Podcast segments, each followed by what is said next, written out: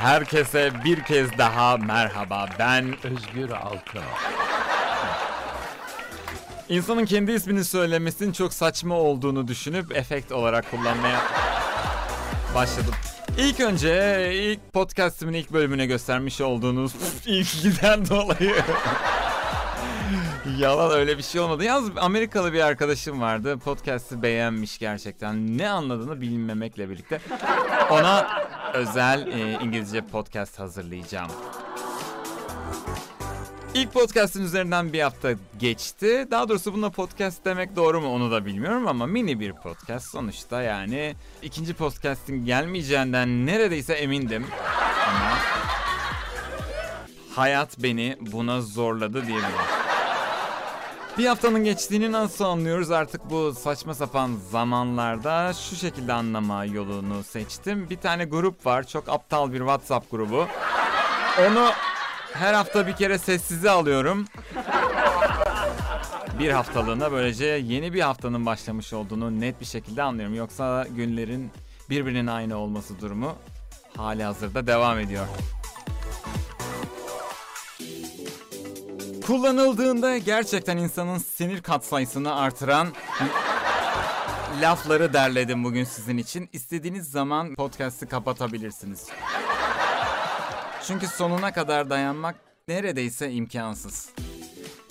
En sinir bozucusuyla başlayalım isterseniz. Adamsın. Gerçekten. Bir insanı çok rahat başka bir kategoride değerlendirebilirsiniz bu lafı duyarsanız.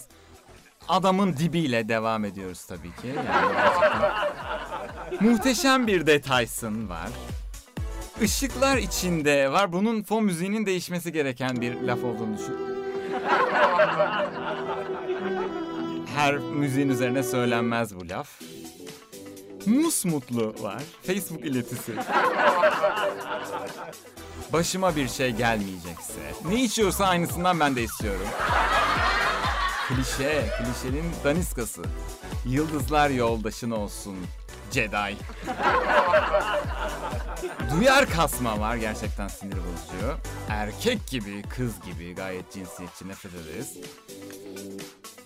Google'a adam yaz, boy fotoğrafı çıkar filan. Rezillik. Aynen aynen. Gerçekten asap bozucu bir ikileme daha. Sıkıntı yok. Yargı dağıtma. Adamın kütlesi yine bu adamlıkla ilgili saçmalıklar.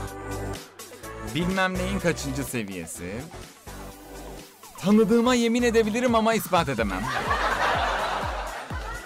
Getir götürünü yapmak, yaptırmak. Usta füze atsaydın. Aga sal bizi. Kendimden nefret etmeye başladım. Seviliyorsun. Yine fon müziğini değiştirmemiz lazım. Yüreğine sağlık. Nefret. İyi ki varsın. Dünya sizin gibi insanların sayesinde dönüyor. Dünya 5 saniyeliğine güzelleşti. Seviliyorsun. Özlendin. Bugün günlerden işte Behçet filan.